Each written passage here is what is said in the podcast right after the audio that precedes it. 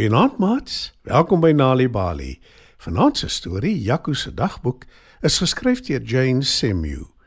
Skyf nader en spit julle oortjies.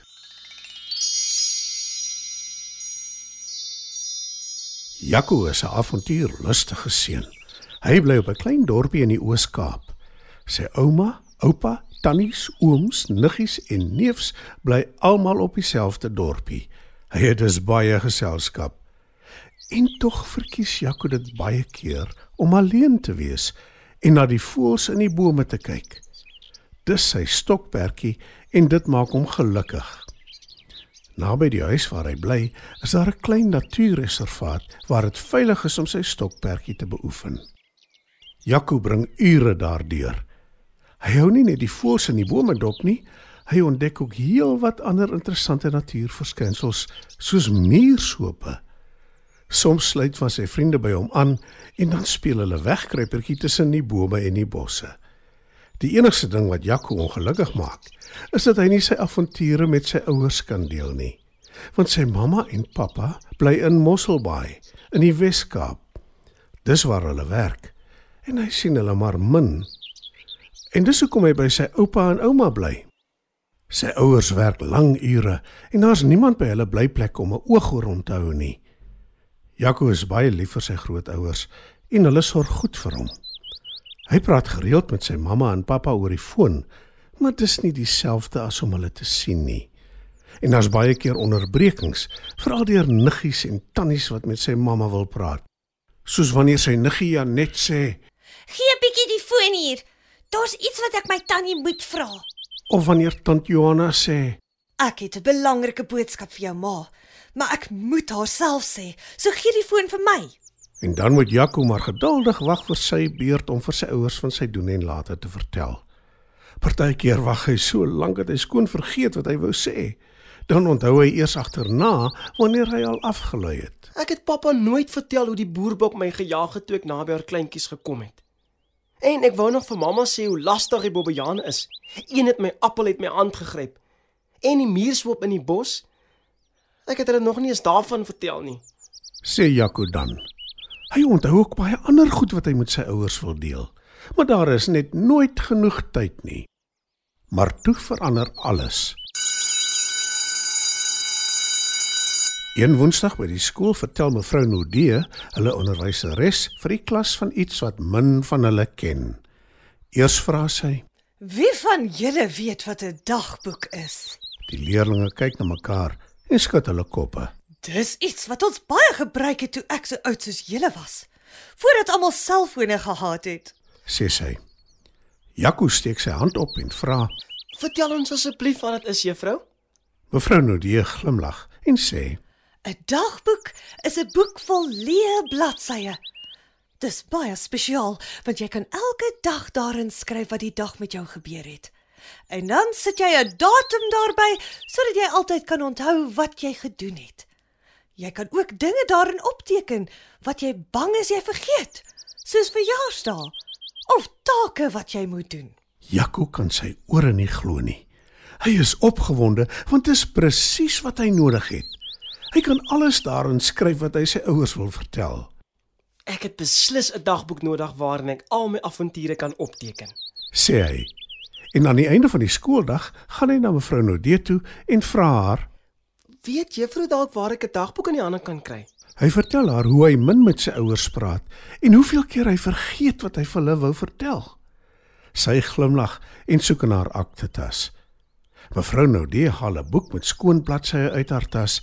Sy gee dit vir Jaco en sê: Ek het gelukkig 'n ekstra een. Jy kan dit kry, Jaco. Baie dankie juffrou. Dis 'n groot geskenk. Dit gaan my hele lewe verander. sê Jaco.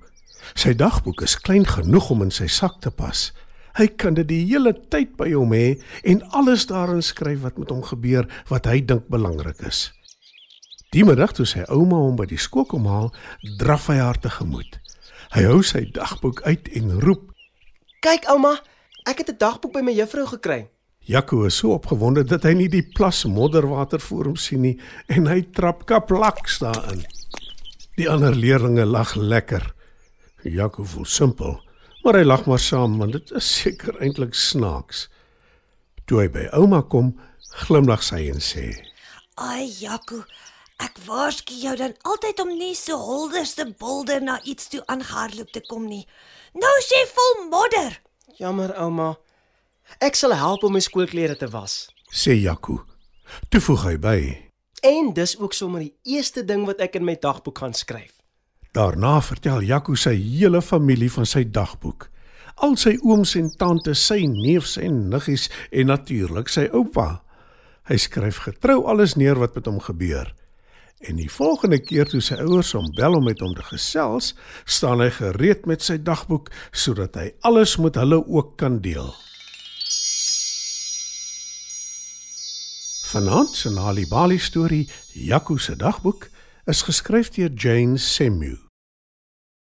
Die storie is aangebied deur die Nali Bali leesvergenotveldtog in samewerking met SABC Education. Sal mamma asseblief vir my 'n storie lees? Natuurlik, seun. Hoekom nooi jy nie die bure se dogtertjie om saam te luister nie? Dis 'n goeie plan. Ek gaan gou soontoe. Nali Bali skep oorspronklike meertalige kinderstories vir alle Suid-Afrikaanse kinders. Jy kan ons help om stories waarvoor kinders so lief is te skep deur jou besigheid te adverteer in die Nali Bali bylaag. Vir meer besonderhede, besoek nalibali.org/advertise. Nali Bali, dit begin met 'n storie. Iemand het 'n lap op op 'n ashoop weggegooi. Sy was gedaan en stukkend, verbleek en nie meer mooi nie.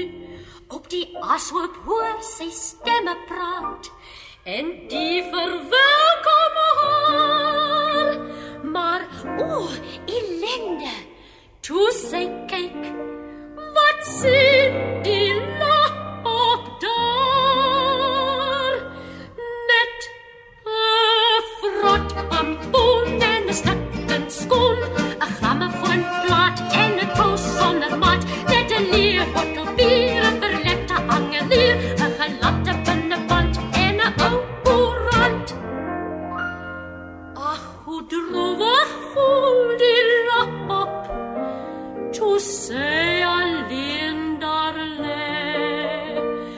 want sy weet dat niemand ooit vir haar vernap op meer wil hê nie. 'n traan loop oor haar lap op van want dit begin te reën. En daar lê sy,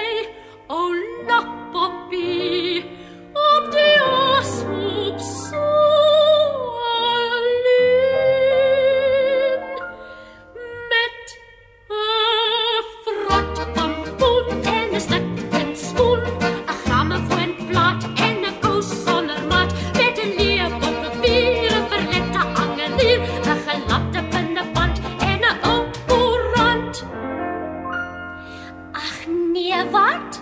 Sê die lapop. Ek soek 'n ander oord. Wat sal die wêreld van my dink? Want soort jy weet, soek soort.